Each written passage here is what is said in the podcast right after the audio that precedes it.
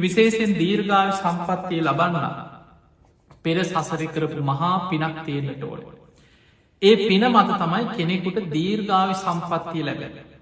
අද වගේ කාලෙක වර්තමානය වගේ යුගයක අපි දන්නවා අපේ බුදුරජාණන් වහන්සේ වැඩසැටිද්දී සාමාන්‍ය මනුස්්‍යයන්ගේ ආයු අපේ සාව අවුරුදු එකසිය විස්සක්කේ කාලේ ඒක ඇන උපරිමණින් සාමාන්‍ය ආයු අපේක්ෂද නමුත් ඒ කාලෙත් අවුරුදු එකසිය පණහා එකසිය හැට අවුරුදු එකසී විස්සට වඩා හිටපු බොහෝ දෙනෙක් ගැන දේශනාවල තියෙන.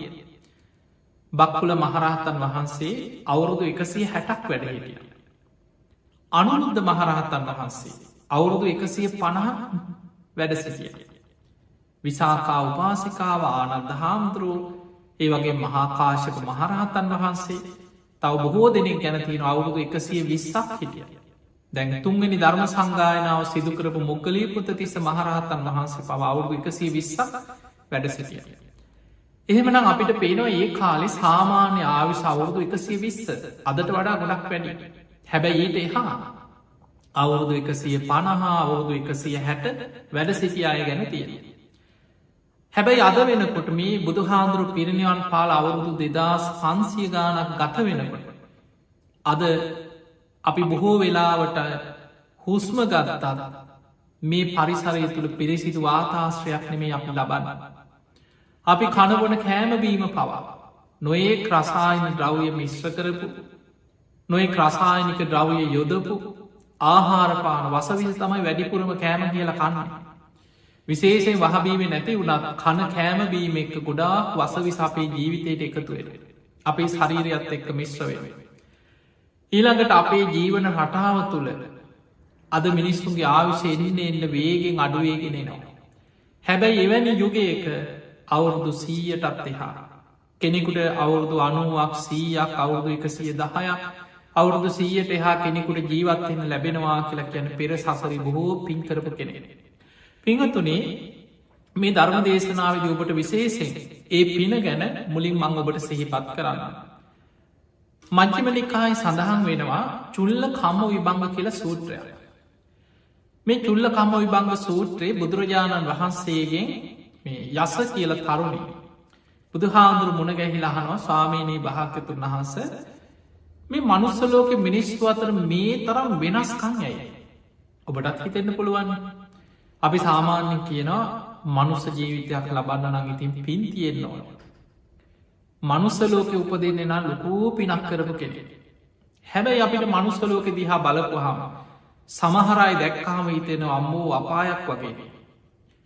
කොච්චර පවකරපු මිනිස්සුද ඔබ දැකල ඇති සමහරු කුණු බාක්කිවල විසි කල්ල දාපු කෑම පිළුණු වෙච්චේ වහුලගෙන කනන. අඳින් ඇඳුමක් නෑ නිදාගන්න තැනක් නෑ මහපාරවල්වල බෝක්කු අස්සේ කූඩාරංගොල ළමයි වඩාගෙන අන්ත දුක්හිනෙන ලෙඩත් දුකක් හැදුනත් බෙහෙතක් ගන්න විදිහක් නැති මිනි සෝන තරන්න. එවැනි අය විදින දුක් දැකල ඔබට හිතෙන්ට පුළුවන් කොච්චර දුකක්දම. හැබැයි මේ මනුස්ස ලෝකෙම දෙවිවරු වගේ සැපවිදින මහා රජවරු සිටුවරු වගේ ජීවත්වෙන මිනිස්සු ඉන්නවා. නිදාගන්න එක ගෙදරක එක කාම්බරයක වුණාට ලෝක රටවල් ගණනාවක ගෙවල්තිය. එතකොට ඒ ගෙවල් වල සමහට ඉන්න එක්කෙනයි දෙන්න එක ගෙදරක කාම්බර හය දහය පහළව ලෝකෙ පුරා ගෙවල් යන්න පුළුවන් එක සීට්ටයක වාඩි වෙලා එක වාහනික වුණාට වාහන එනේන වාහනි ගන්න. සල්ලි මිලමුදල් පරම්පරා ගානකට ජීවත්වයෙන ධනය තියෙන. සමහරු උත්සාහයකින් තොරව සුළු උත්සාහයක් තුර කෝටි ප්‍රකෝටි ගණන් උපේර. කෙනෙක් මුළු ජීවිත කාලිම දුක්විදිනවා මහන්සි වෙනවා එදා වේලවත් හම්බ කරගන්න විදිහක් නෑ සමහරුට. කුලි වැඩක් ඔයාගන්න බැරුව දුක්විදින මිනිස්සු කොච්චර ඉන්නවා. උගතෙක් ගන්න සමහරයි ඉන්නවා උපාදි තියෙන උපාදි දෙක තුන තියෙන රස්සාාවනය. එක්කො සමහල්ලාට හොඳ දක්ෂ කෙනෙ හොඳ රස්සාාවක් කරගෙන යනකොට මොකක් හරි ප්‍රශ්නයක් කියල රස්සාාවත් කඩාගෙන වැට. එදකොට ජීවිතේ උගත්කම තිබුණා කියලා හැකියාව දක්ෂතාව තිබුණ කියලම දියුණු වෙනව නෙමේ. අපි කාගෙත් පෙර පිම්පව් කරම කරම්පල කුසල් ලකුසල් මේ ඔක්කොම මේවයි කේදිලයින. එදවට මනුස්සලෝක අපට ලොකු වෙනස්කම් ගොඩක් පේන කෙනෙ කරි ලස්සනයි. කෙනෙක් දැක්ක ගමන් ඒකෙනා බොහොම පෞෂ්‍යවත් පිරිසක් අතරට ගිහාම බොහොම ප්‍රතාපවත් විදිහට පෞෂ්‍යය කියලා කියන හැමෝගෙම ආකර්ශණය ලැබෙන දැම් බලන්න සමහර පුද්ගලයෝ ඉන්නවා නිකං දැක්ක ගමන් වාඩි වෙලා ඉන්න කෙනා කෙනෙක් එනකොටම නිකන් නැකෙට්ට වෙනවා. ඒ ගෞරව සත්කාර ඒ පුද්ගලයාගේ ඒ ස්වරූපේ ලැබෙන ඔහුට නිරායාසින් ලැබෙන. ඔහු යන යන තැන ගෞරව සත්කාර පිළිගැනීම හරියට රජෙක් වගේ කියල මිනිස්සු කියනවා. එදකොට ඒ කෙනාගේ වචනය සමහර වෙලාවට පුංචි දේශනා පොඩි වචනයක් වෙන්න පුළුවන්. දහස් ගානකට ඒ වචනය ඒ මිනිස්සු ආකර්ශණය වෙන. එදකොට තව කෙනෙක් ඉන්න පුළුවන් පෙනුමක් නෑ එතන ලස්සන විතරක්නේ පෞර්ෂය. ඒ පෞර්ෂය නෑ කොච්චර පෞර්ෂවත් විදිහට ඇඳුම් ඇඳලා මොන්න විදිහට ඇඟ පත හදාගෙන මොන්න විදිහේ උත්සාහ ගත්තා තැනකට ගියාට පස්සේ එහෙම පෙනුමක් පෞර්ෂයක් පිළිගැනීමක් ඇතිවෙන්නේ සමාජ. එතකොට අපිට පේනවා කෙනෙකුගේ මේ පෞර්ෂවත් භාව ඊළඟට කෙනෙක්ගේ රූපේ තියෙන ලස්සන ඊළඟට කෙනෙකුගේ පොහොසත්කම දුප්පත්කම උගත්කම නූගත්කම ධනවත්කම. එදකොට මේ හැම දෙයක් අතර බුදුහාන්දුරු පෙන්වා තව සමහරු ඉන්නවා දීර්ගාවිශ විදිනවා කෙනෙක්කින්න අඩු අයිසින් මැරෙන මොනවාහරි කරද මොකක් හරි හේතුවක් වෙලා අඩු අයිසින් මැරෙන කෙනෙක් ඉන්න උපන්දායිදන් ලෙඩ ගොඩක්. ඉස්පිරිතාල ගාන අම්මල දරු වඩාගෙන ඉස්පිරිතාල ගාන. සමහරයි ඉන්නවා අපි සාමාන්‍යගං කියන්නේ එයාට නම් එහෙම බහින රෝගයක් අත්නය කළ තොට ඒ වගේ මේ ලෝක මිනිස්සු ඉන්න කලාතුරකින් ඔය උනක්හෙන් බිරිසාාවක් කැරෙන්න ජීවි අවුරුදු අසු අනුව ඉන්න පුළ ස්ප්‍රීතාලක නතර වෙලා ඉඳලන ඔපරේෂණ එකක් කරලනෑ කවදාව ඊළඟට සාමාන්‍යම උනක්හෙම් බිරිසාාවක් හැදෙන හම කොත්ත මල්ලි ටිකක් තම්බගෙන බීවා. ලොකු බේතක් කියල දෙයක් කවදාවත් ගන්න නෑ ඔය එක්කෝ බේත් පැගට් එකක් තම්බගෙන බොනවා. එච්චරයි. එතකොට මේ වගේ මේ ලෝක මිනිස්සු අතර වෙනස්කන් තියෙන. සුභ කියන තරුණයා බුදුහාන්දුර ළඟට ඇවිල් අහන සාමීනී භාග්‍යතුන් වහන්ස මේ මනුස්ස ලෝක මේ තරම් වෙනස්කං ඇය. මොකන්ද මේකට හේතුව. බුදුරජාණන් වහන්සේ ඔහුට මෙන්න මේ විදිහට කියනවා. සුභ කම්මස්සකා සතතා මේ සත්වයන් කර්මය ස්වකීය කරගත්තයි. කම්ම දායාද කර්මය දෑවැද්ද කරගත්තයි. කම්ම පටිසරණු කර්මයම පිළිසරණ කරගත්තයි. කම්ම යෝනි කර්මය මතයි මේ උපත්තිය තීරණය කරලා තියෙන. කම්ම බන්දු ඔහුගේ එකම නෑදෑ ඔහුගේ එකම ඥාතිය ඔහුම සසර රැස් කරගත්ත කර්ම. කම්ම පටිසරණු ඔහු කර්මයම පිළිසරණ කරගත්ත කෙනෙ. යම් කම්මං කරිස්සාමි කල්්‍යයානංවා පාපකංවා තස්ස දායාද. ඔහු යම් කර්මයක් කරොත් යහපත් ඔහුට යහපත් විපාක ලැබෙන. ඒකෙන අයහපත් කර්මයක් නම් සසරි රැස් කරලා තියෙන්නේ ඔහු අයහපත් විපාක ලබ. එඩකොට තම තමන් වපුරපු දේවල් තම තමන් නිලාගෙන යන ගමන. ඔන්න ඔය කර්මී ගැන ඔය කාරණය බුදුරජාණන් වහන්සේ දේශනා කරා. මේකට හේතුව තමයි කර්මය. කර්මය ස්වකීය කරගත සත්‍යයන් කම්ම යෝනී කම්ම බන්ධූ කම පටිසරණු යංකම්මං කරිස්සාමි කල්්‍යයානංවා පාපකංවා තස්සදාය ලෝකයි හේතු. හැබැයි මේ තරුණයා මේක කල්පනා කරා අනය හුට තේරෙන්නේ. ඔහුට එච්චර විස්තර ඇතුව තේරුම් ගන්න බෑ. ඊට පස්සේ ඔහු ආයමත් අහනවා ස්වාමීනී භාගතුන් වහන්ස ඔය කියපු කාරණාව දේශනා කරපු ධර්ම කාරණාව මට විස්තර ඇතුව අනුකම්පාවෙන් මට කියල දෙන්න කිය. අන්න එතනති බුදුරජාණන් වහන්සේ ඔයි චුල්ල කම්ම විභංග සූත්‍රයේ තියෙන දීර්ග වසයෙන් එකින් එක ඒ ඒ කර්මයට අනු ඒ ඒ විපාක බෙදිලෑන ආකාරය මේ දේශනාව සිදු කර. මේක ඔබට ඉතාම වැදගත. බුදුරජාණන් වහන්ස ඔබ එකින් එක තේරුම් ගන්න උත්සාහයක් ගන්න. බුදුරජාණන් වහන්සේ දේශනා කරනවා සමහරයි ඉන්නවා දීර්ගාවිශ විදෙනෙ. සමහරය අඩු අයිසිස් මැරෙන. එකම පවුල වෙන්න පුළුවන්. එකම අම්ම තාත්තට උපදින දරුව අතර එක දරුව දීර්ගාවිස විදේ. ඒ පවුලෙම ළමී කඩු අයිසින් මැරෙන. එකම දෙමවපියන්ට දාව ඉපදුන නිවුන් දරුව ගැනම හිතන්න. එදකොට නිවුන් දරුව මේ එකම විදි ආවිශ විදිනවන්නේ මේ වෙනස් කන්තිය. බුදුරජාණන් වහන්සේ වදාලා මේකට හේතුව තමයි සංසාරයේ ප්‍රාණගාතාදී අකුසල් බහුලව කරලා. සමහරු ඒ ප්‍රාණගාත විස්තර කරන්න නිහිත දණ්ඩෝ නිහිත සත්තු ලංචී දයාපන්නෝ එතකොට සබ්භපාන භූතේසු හිතානුකම්පි එහෙම තමයි කෙනෙක් දඩ මුගුරු අතහැරලා සත්වයන් ගැන අනුකම්පාවෙන් මෛත්‍රී සහගත සිතෙක් තමයි ප්‍රාණගාතයෙන් වලකින්නවා. හැබැයි මේ ලෝකෙ සමහරු ඉන්නවා අවියාවිද අතටාරගෙන. කොටන මරණ සතුන්ට. කොටනවා මරණවා ලේ තැවරුණු අත් ඇතුව. හෙමයි බුදු හාන්දුර ඉතන විස්තර කරන්න. ලේ තැවරුණු අත් ඇතුව සතුන් මරණ ප්‍රාණගාතාදී අකුසල් කරන තමනුත් ප්‍රාණගාතී යෙදෙන ගමන් අන්න අයව යොදෝනයි ඒ ගැන දැ සමහරයි ඉන්නවා ඒ අයි හිතන් ඉන්න අපි සුද නොකිය මගේ අතේ ලේ ගෑවිලා නෑ. ඔහොම කියනයි ඉන්න මගේ අතින්මම් මරන්නේ හැබැයි අපේ ආයතන ඉතින් එක කෙරෙනවා. ආයතන ප්‍රධානින් ඉන්න පුළුවන්. ඒ ආයතනයේ රස්සාාව තමයි එක්කෝ සමහරලාට අපිතම් ෆාම් එක ඒ ෆාම් එකේ නිකං ආදරයට ඇති කර නොනෙමේ මස් පිනිස සතුන් ඇතික බුදු හාමුදුරුව නොකළ වෙළදාමක් හැටියට නොකළ යුතු වෙළදාම් හැටියට පෙන්න්නපුදය මස් පිනිස සතුන් ඇති කිරීම. නොකළ යුතු වෙළදාම අවියාවිද වෙළදා නොකළ යුතු වෙළදා වසවිස වෙල කෙනෙක්ගේ ආවිශ අඩුවෙන දේවල් වසවිස. මනුස්සෙක්ගේ ආවිශ අඩුවෙන වෙළදා අවියාවිද. මොකද වගා කරන්න? අවියාවි කෙනෙක් මරන්න අවියාවිද හදන්න. එතකොට කෙනෙක්ගේ ආවිස නැති කරන්න. එදකොට ඔය වගේ වසවිස වෙලදා ඊළඟට අව්‍යායද වෙලදාම් තවබුදු හාමුදුර එපා කිව්වා වහල් වෙලදාම් මද්‍රවය මත්කුඩු මේ වෙලදා. කෙනෙක් මනුස්ස ජීවිතයක් කෙනෙක්ගේ ආවිෂ නැති කරලා විනාස කරන මෙවැනි පාපකාරී වෙලදාම්මල ඒදෙ. එතකොට සමහරයින්නවා තමම ප්‍රාණඝාතය කරනවා අන්න අය ලව්ව කරවල. කෙනෙක් දම්මල අපි ගම සේවකයෝ දැන් ගොඩක් නොමුලදි තමන් තනියෙන් පටන් ගත. දැම් මේක තව සේවකයෝ දාගෙන වැඩේ ගජරාමිට යන රස්සාාවතමයි කූරු ඇති කරලා මරල මස් කරල විකුණනේ කො හරක් මරණයට. දැම් මේක ඉහල නමක් ගහගත්ත ලොකු කම්පැනියක් කියලා හිත. හැබැයි මේක අයිතිකාරයට හිතෙන්න්න පුළුවන් නෑ. අපි මගේ අතේ ලේගෑවිලා නෑ.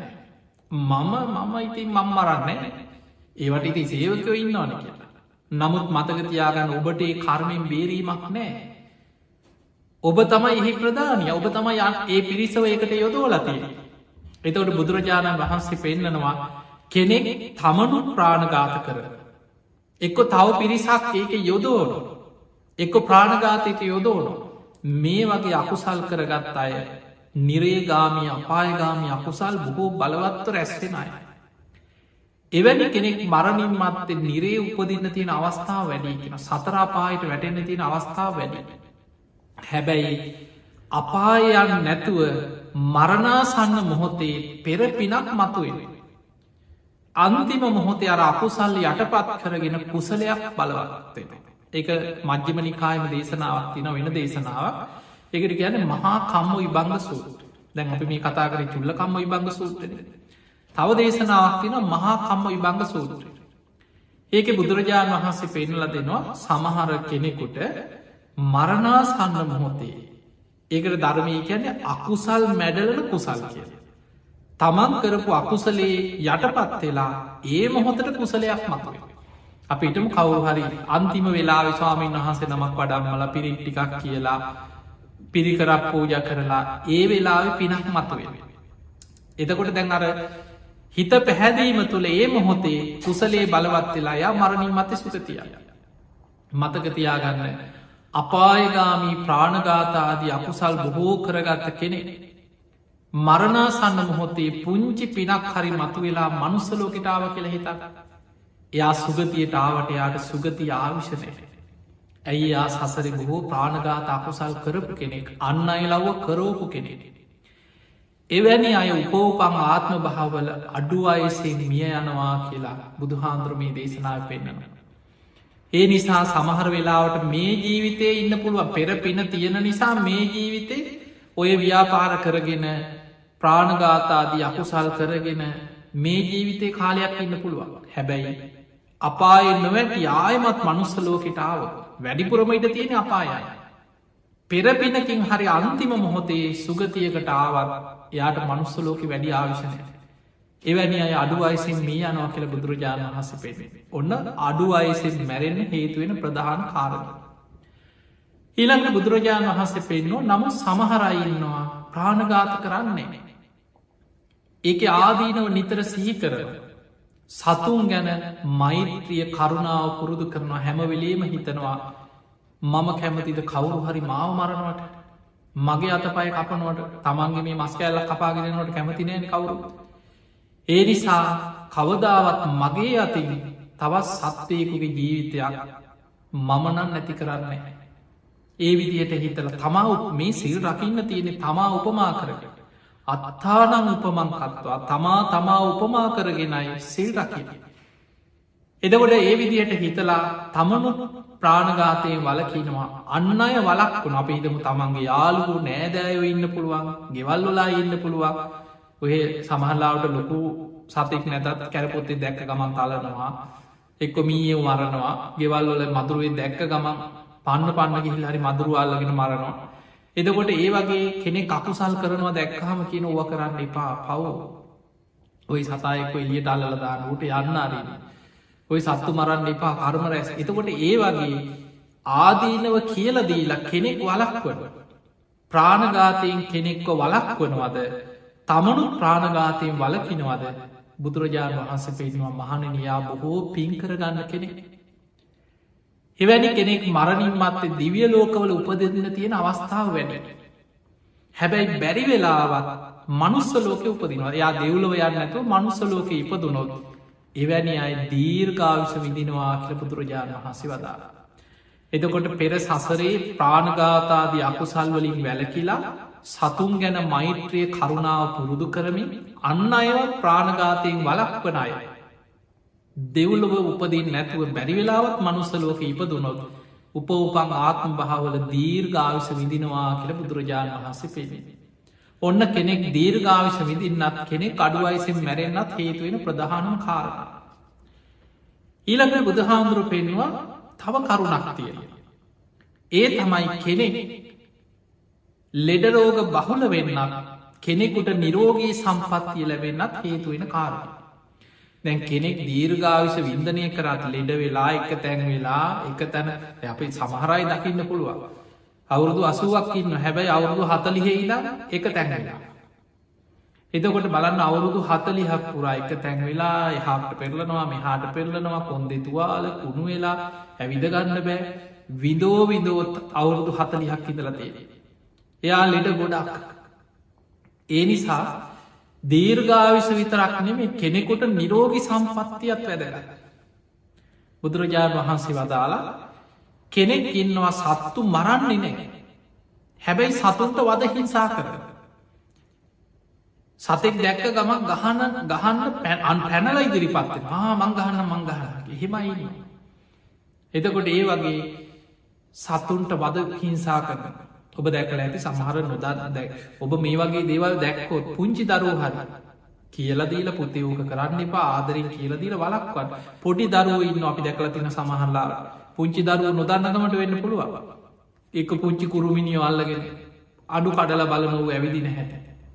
එක්ක පොඩි සතෙක් අල්ලගෙන දර්බත්කුරු කිලොබට මතක ඇති පුංචි කාල. අල්ලගෙන බලන නැත්ත එක ඒකව ගැට ගහනවානේ නැත්ත කැදිලෑන එතකොට ඒ වගේ තටු කඩල බලන එක සමනැල්ලු අල්ලගෙන. එතකොට මේ වගේ සත්තුන්ට හිංසා කරන සමහරයින්නවා දරුණු විදිහට.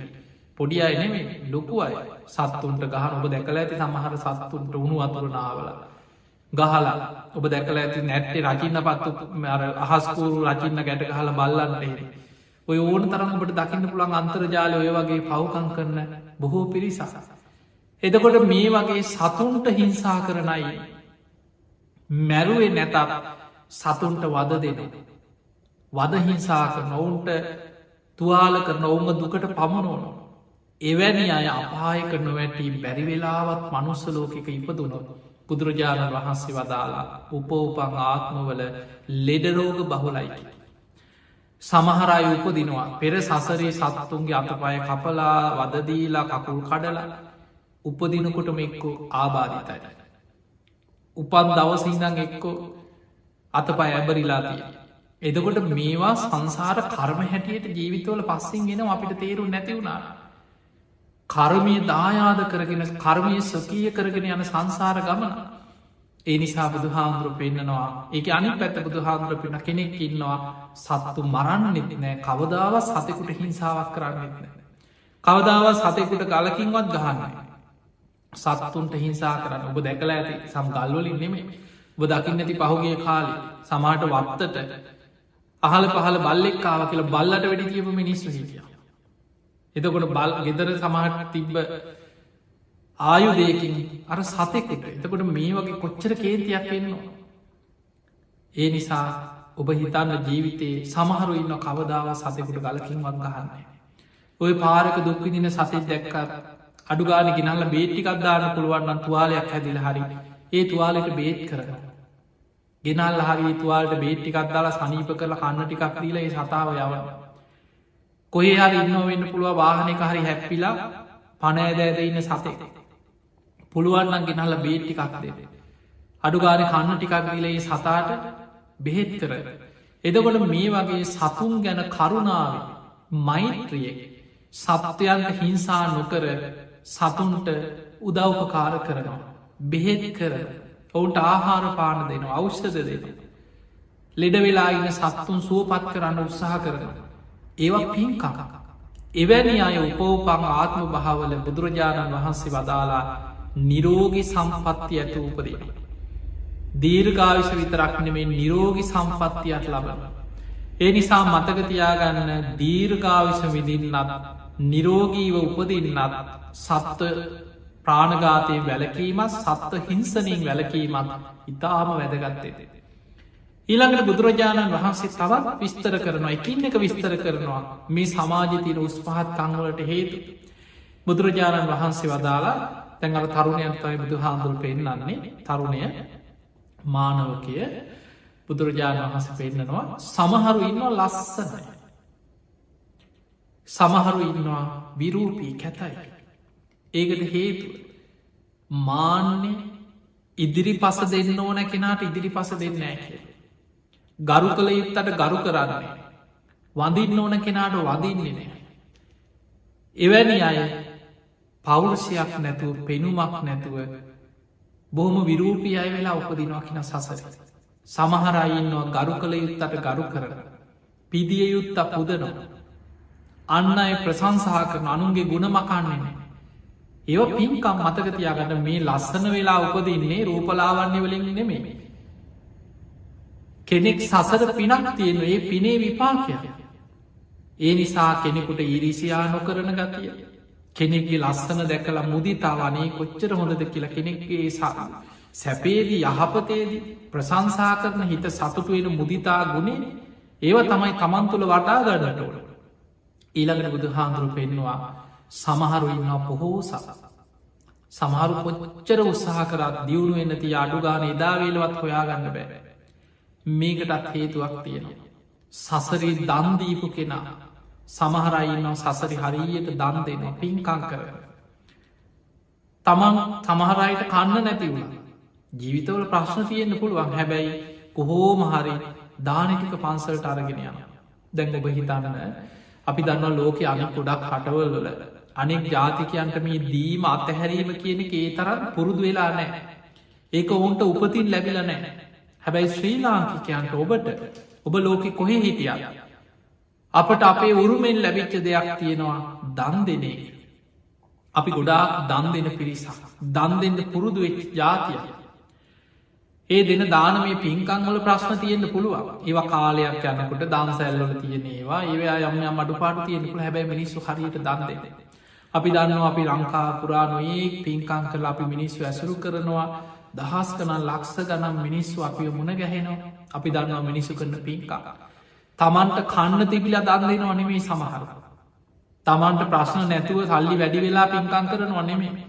තමන්ට ජීවිතවල ගෙවල් වල ප්‍රශ්න ණය දරුවන්ගේ ප්‍රශ්න උගන්නනේවා ඒ අය විවාහ කරලා දෙනේවත් දහසක් අනාගතයේ තමන්ට නොඒක් ප්‍රශ්න තියෙනවා. ඒ අතරි කොහොම හරි දුක් විඳල හම්බ කරගන්න මුදල් වලින් පින්කං කර. නැති බැරි අයට උදව් කරනවා. දන් දෙන. සමහරයින්නවා ගෙදර එක වේලයි. මොනවාහරි අලක් බතලයක් තම්බගෙන කනවා. හැබැයි මාසකට සැරයක් ඕම හරි කීය කිය හරි ඉතුරු කරගෙන පන්සලට දානටික එදාට දානය දවසට බොහෝම හොඳට වෑන්ජන තුන හතරක් එක්ක. අඩුම ගානික හෙල්ලැවලියක් මොනවා හරි හොයාගෙන පළතුරු ටිකක් එක්ක. පන්සල්ට දානටි කරගෙන ගිහිල්ල බුද්ධ පූජාව තිල සාමීන් වහන්සේලට පූජා කළ බොහෝම සතුටේ දන්දෙ හැබැයි තමන් කවදාවත් ගෙදර හිම කාලනෑ. දානි දුන්නට ගෙදර ඇවිල්ලා ඉතුරු වෙච්ච දෙයක් එක්ක මොනවා හරි කාලා ජීවත්තය. එතකොට මෙහෙම දම් පින්කං කරන මිනිස්වේලි. ඒවෑ විපාක උපෝපන් සසරි ලැබෙන ආකාරය බුදුහාන්දුර පෙන්වා මහනෙන දානයක විපාක මේ ලෝක මිනිස්සු බුදු කෙනෙක් තරන් දන්නවන්නම් තමන් කොච්චර කුසගින්න හිටියත් තනියමනා කන්නේ නෑකි. තමන් කන බත් පතෙන් කොටසක් එක සතෙකුට හරි නිතර දන් දෙනවා දානික වටිනාකම දන්න කෙන. දානී කියන්නේ ඒ තරම් ආනිසංස සහිතයි කියල බුදුහාදුරු පෙන්වෙන.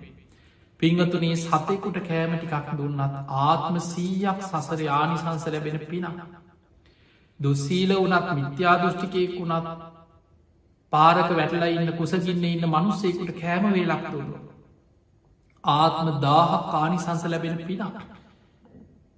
පිනේ වටිනාකම දානය වටිනාකම දන්න කෙනා නිතර දන්න දෙද.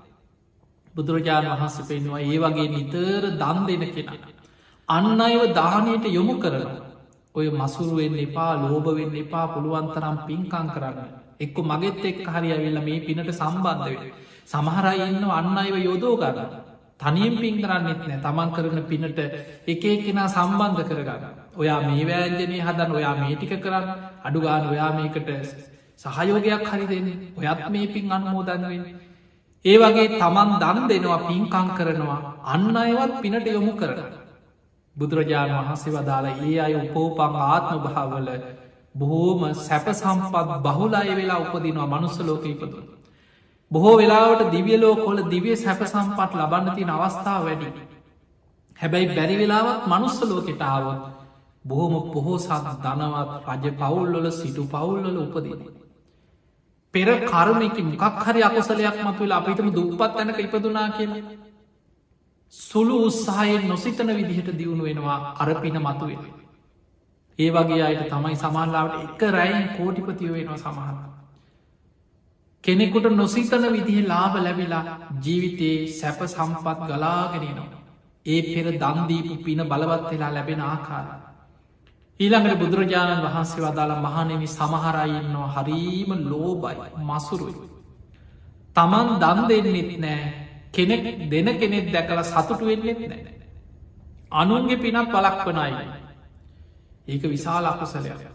බුදුරජාණන් වහන්සේ මික තියෙන අංගුත්තර නිකායිතික නිපාතේ බුදුරජාණන් වහන්සේ වදාලා මහනෙන දන නොදීන්න කෙනාට වඩා දෙන දානය වලක් වන කෙනා ඊට වඩා භයාන කකුසල් රැස් කරගන්න. දනු නොදී හිටියොත් පිනත් කරගන්න තියෙන අවස්ථාව තමන්ට නැතිවෙන ඉච්චර. කවුරු හරි කරන්න යන පිනක් වලක් කනවා දෙන්න එපා ඔවුන්ට දෙන්න එපා කියලා පින වලක් කර.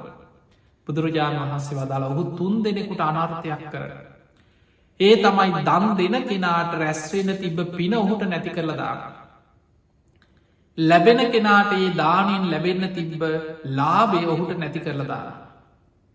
එතකොට දෙන කෙනාගේ පිනත් නැති කරනවා ලැබෙන කෙනාගේ ලාභයක් නැති කරනවා. ඒ සියල්ලන්ට පෙර මසුරුකමින් ලෝභකමින් දෙන්න එපා කියලා තමන්ගේ ගුණ තමන්ම නසාගන්නවා කිය. තමනු තකුසල් රැස් කරගන්නවා අනිත් අයිගෙත් පින අහිමි කරලදා. ඒ නිසා දානයක් නොදීන්නවට වඩා කෙනෙක් කරන පින්කන් දැකළ ගරහනවාද ඒ පින වලක් වනවාද ඒක විශාල අකුසලයක්. බුදුරජාණන් වහස පෙන්වා මහනෙමි සමහරු ඉන්න තමන් දන් දෙන්නෙත්න හරි ලෝබයි. අනුන් දන් දෙන එකත් බලක් වන. එවැනි අය උපෝපං ආත්ම භාවල.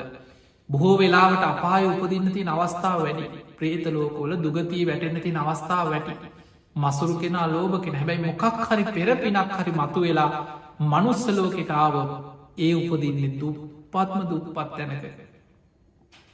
එදා වේලවත් හොයාගන්න බැරි තැනක කොච්චර උත්සාහ කරලා කුසට යමක් හොයාගන්න පෙර කරුණුවලින් වැහිලෑ එවැනි අය සමාජි බොහෝ දුක්විදිනවා කුසගිනි පිපාසෙ. අපි දකිනවා මේ ලෝකෙ කොච්චරනං ආහාර නාස්ති කරනවාද? ඔබ නිකං හිතන්න සාමාන්‍යෙන් මිනි ඔය නිකං ඔබ හිතන්නකොය මගුල්ගේවල් උත්සව පාටිව හෝටල් වල හිතන්න. කොච්චර කෑම විසි කරනවද? කුණු භාක්‍යවලට කොච්චර කෑම විසි කරනවාද කියලා. සාමාන්‍ය උත්සවයක් ඉවර වෙනකොට කොච්චර කුණු භාක්‍යවලට කෑම විසි කරනවා හැබැයි මේ ලෝකයේ එච්චර කෑම හෝටලේ විසි කරත් ඒ හෝටලේ ඉස්සරහම පාරයින ඉන්න පුළුවන්. ඒ හෝටලේ පෙනි පෙනී බත්තටයක් කන්න නැති මිනිස්සු. පිළුණු වෙච්ච බත්තටයක් අහුලගෙන කන්නවා කානුවක තියෙන එක්ක මොනවහරි විසි කල දාලා තිබ්බ එකක් කරගෙන අපි දැකරතින සමහර පාංකෑ බනිස්කෙද අර කානුවල කුණුභාක්‍යවල තියෙනේවා තෙමිලා තෙරිත් වෙලා ඒ අරගෙන මිරි කළ වාඩි වෙලා කන මිනිස්සු ඉන්න. එතකොට බලන්න මේ ලෝකයේ කොටසක් කෑම නාස්තිකක මේ ලෝකයේ ලෝකෙ බලවා රටවල්. ඔබ බලන්න මේ පින් පව අනුව මේ උපත පවා බෙදිලයන්න එහෙම. පින මත තමයි කෙනෙක් පතිරූප දේශයක එවැනි ප්‍රදේශයක යහපත් තැනක සැප සම්පත් ඇති බෝග සම්පත් ඇති පරිසරයක භූමියක උපදින්න පෙර පිනකට. බලන්න අප්‍රිකාන් රටවල්ල විදිනම් දුක මිනිස්සු ඉන්දියාවගේ රටක් ගත්තත් අද සුළු පිරිසක් ඉහල සැපයක් විඳිනකොට ඒ රටේ විශාල පිරිසක් අන්ත දුක් විදිනවා. එතකොට ඒ වගේ පිම් පව් බිදිලා යන ආකාරය ලෝකෙ බලවත් රටවත් ලෝකයේ ටොන් ගණන් ධාර්ණ්‍ය වර්ග සමහර අතිරික්ත නිස්පාදන මුහුදට හලන විනාස කරන. හැබැයි කන්න නැතුව එල් මේ ලෝකෙම බොහෝ රටවල මිනිස්සු අන්ත දුගී භාවෙන් මන්ද පෝසනින් කන්න නැතුව මැරිලෑන මිනිස්සු අප්‍රිකාන් රටවල අනන්තවත්තිදී. මේ ආ විසි කරන විනාස කරන මේ අතිරික්ත නිස්පාතන අනේ මේ මිනිස්සුන්ට දෙන්න ඕනැකි ලෝට සිතක් පාල වෙන්නේ. ඒවත් කර්ම විපාකවලින් වැහිලෑන. ඒ නිසා මේ පිම් පව් විපාක සසරි ලැබෙන ආකාර පිංහතුනේ පොහො වෙලාවට සමහර අයට අසරණයි සමහරයි ඉන්නවා ඔවුන්ට කෙනෙක් දෙන දෙයක් පට ලබාගන්න පින නෑ.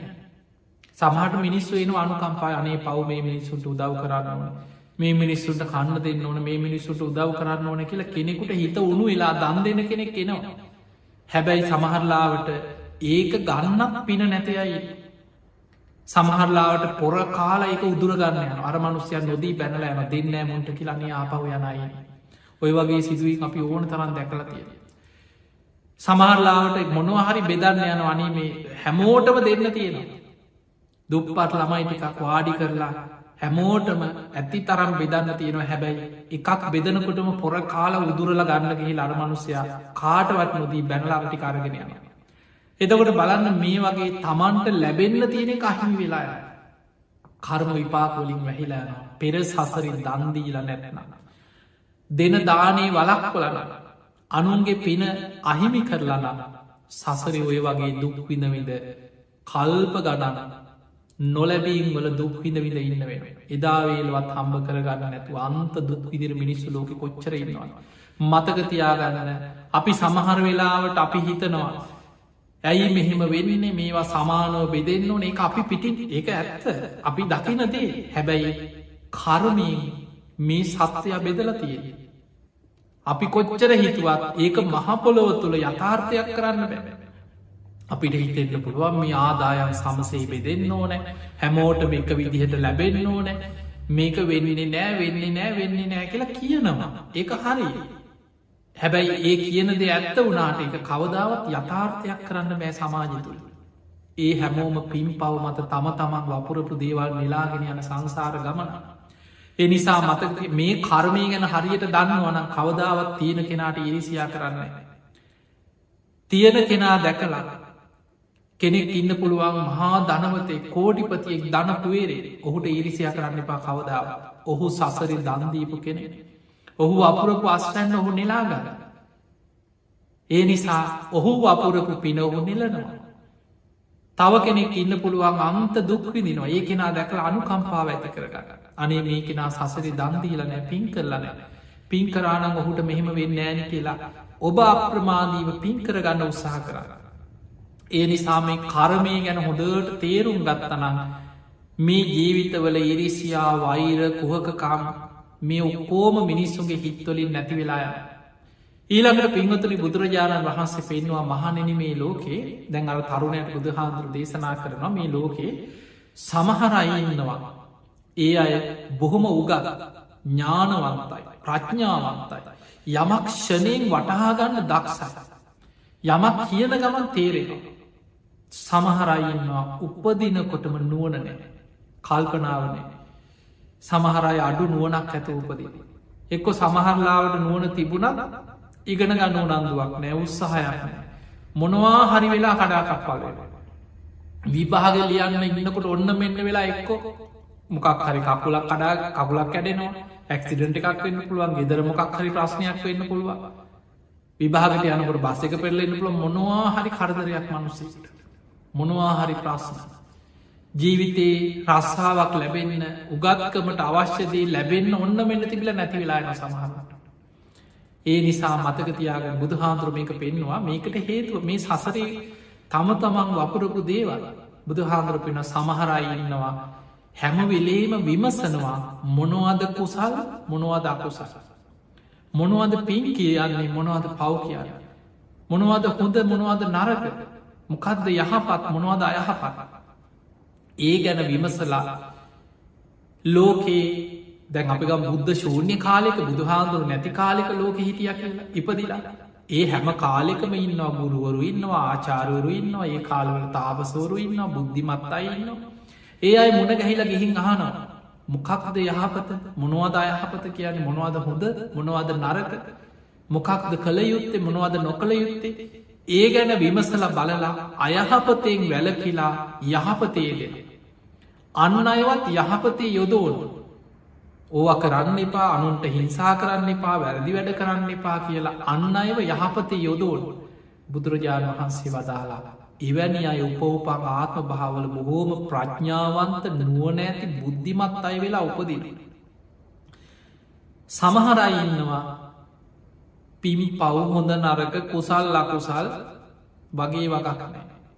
කවුරු හරි කියනවනම් ඒවට කැමතිත් අහන්න කැමතිත් එන්න එපා මටෝවා කියන්න මට ඕන විදියට මංගින් හොම කියන ඇතින ඕනතා ඔබහල ඇති සමහරයින්න ඕව කරන්න එපා ඔය වැරදි වැඩ කරන්න එපා ඕ පව් එහෙම දෙයක් නෑකෙන මට ඕන විදියට මංඉන්න කිය. එතකොට ඒ වගේ සමහරය පිම් පව කුසල් ලකුසල් හොඳ නරක හිතන්නයි. ඒව කාගෙන්වත් අහන්න කැමතිත් නෑ කෙනෙක් උපදෙස් දෙනවට කැමතිත් නෑ. තමනුත් අකුසල් කරමින් සමාජයටත් අයහපත් විදියට ජීවත්ත. එවැනි අය උපෝපං ආත්ම භාවල නුවන ප්‍රඥාව අඩු බුද්ධි අඩු අය හැටියට උපදිනවා කියල බුදු හාමුදුර පෙන්වෙන්. ඒමනම් මතකතියාගන්න සසර ප්‍රඥාවන්ත කෙනෙක් හැටියට උපදින්න බුද්ධිමත් කෙනෙක් හැටියට උපදින්න හොඳ නුවනක් ඇති කෙනෙක් වෙලා සසර උපදින්න ඔබ සසර පුරුදු කර යුතු දෙයක් තමයි පිම් පව මොනවද කුසල්ල කුසල් මොනවද හොඳ නරක මොනවද කියලා තේරුම් අරගෙන අකුසලෙන් වැලකිලා කුසල් දියුණු කරන යෝනිසෝ මනසිකාරෙන් නුවනින් විමසල බුද්ධිමත්ත කටයුතු කිරීම. අන්න අයවත් ඒවට යොමු කිරීම. මිනිසුන් අකුසලේ යොදවන්න ඔබ උත්සාහ කරනවා. ඒක මුදවල. කෙනෙක් පවකං කරනනම් කිහින් ඕ කරන්න එපා කියලා ඒ අකුසලේ මුදව කුසලේ යොදව අන්නේ විදිහට කෙනෙක් උත්සාහ කරනවනම් බුදු හාමුදුරු පෙන්වා එවැනි පින්කං කරගන්න කෙන උපෝපන් ආත්ම භාවල බුද්ධිමතෙක් ප්‍රඥාවන්තේ නුවන ඇති කෙනෙක් වෙලා උපදීද. හැබැයි සමහරයින්න අකුසලේම යොදෝනවා මිනිස්සු. පවේ යොදෝරු. අකුසලේට මැත් දැන්ගේ වගේ පාපමිත්‍රෝ ඉන්නවන.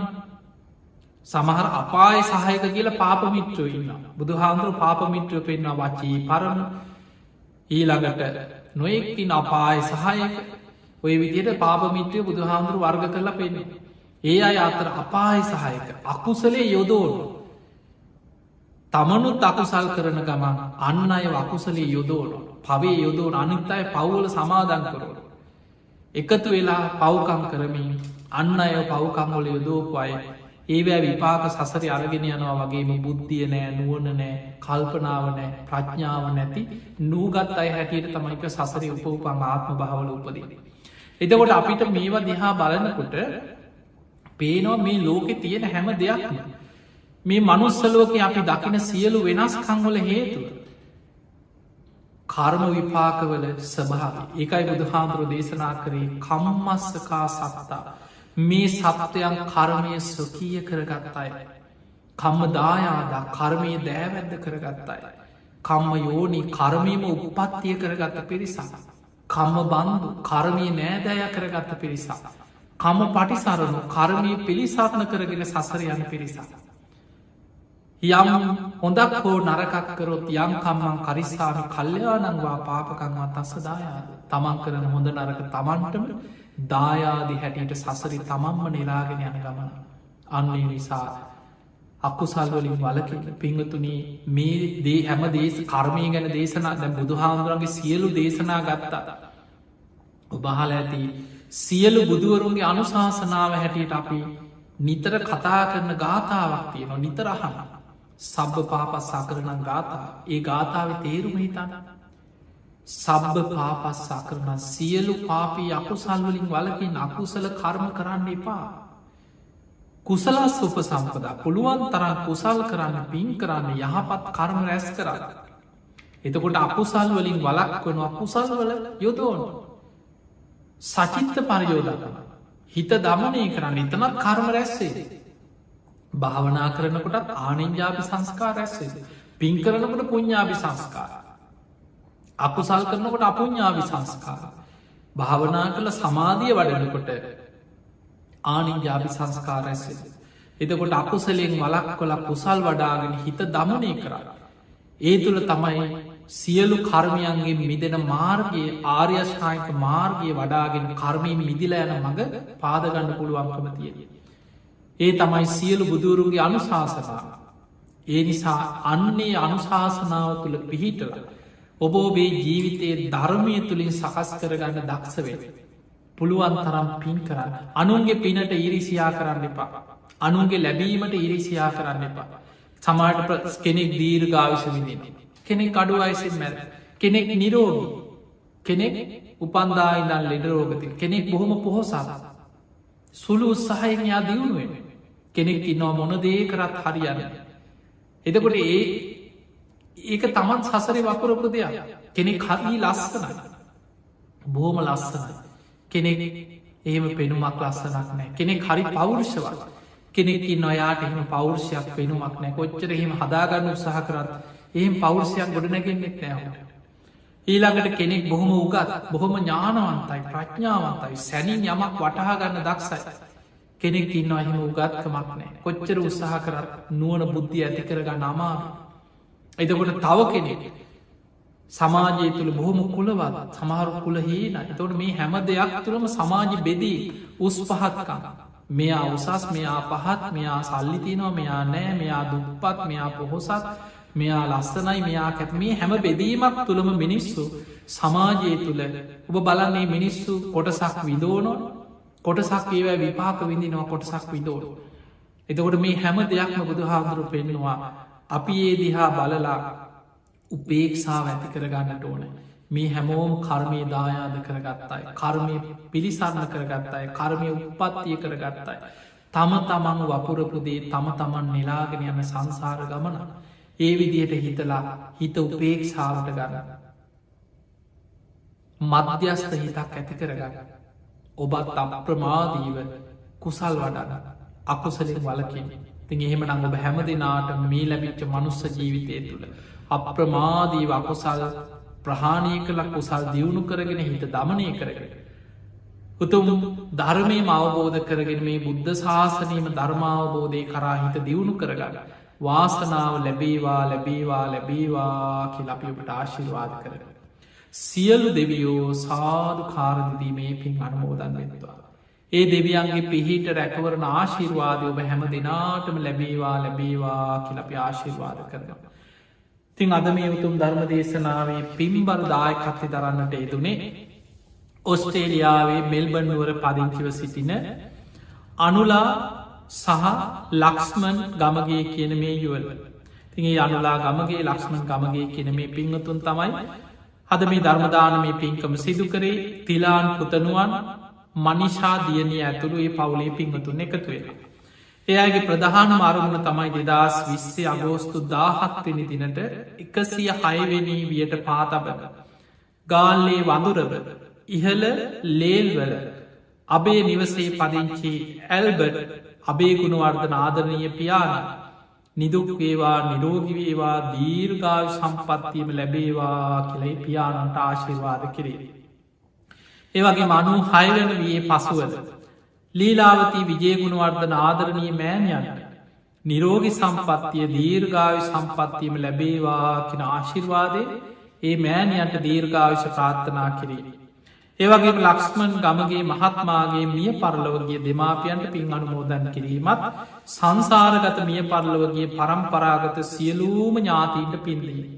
එහෙම නම් මිය පරලවගේ පරම්පරාගත සියලු ඥාති ඔබත් කල්පනා කරගන්න ඔබ නමෙන් මිය පරලවගේ ඥාතීනුත් සාධ කාරදිදී මේ පින් අනුමෝදන් වෙත්වා ඒ අයගේ පරලව ජීවිත සැපවත් ඒවා සුව පත්තේවා වහවහා සංසාරදුකින් අතමි දේවා කියල සාධ කියල පින්දේන.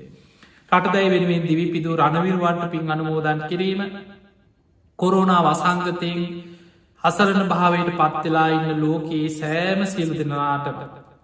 ඒ හැම දෙනාටම නිදුක් නීරෝගී සම්පත්තිය තුනුරුවන්ගේ ආශිර්වාදය ලැබේවාකින ආශිර්වාද ප්‍රාර්ථනා.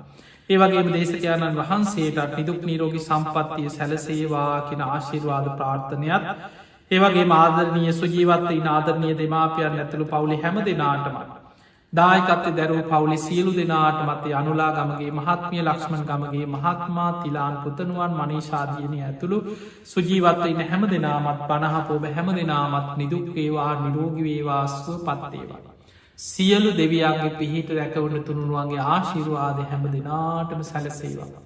ගන්නහිලන උකුස්ම රැල්ලක් පාසා තබන තබන පියවරක් පාසා.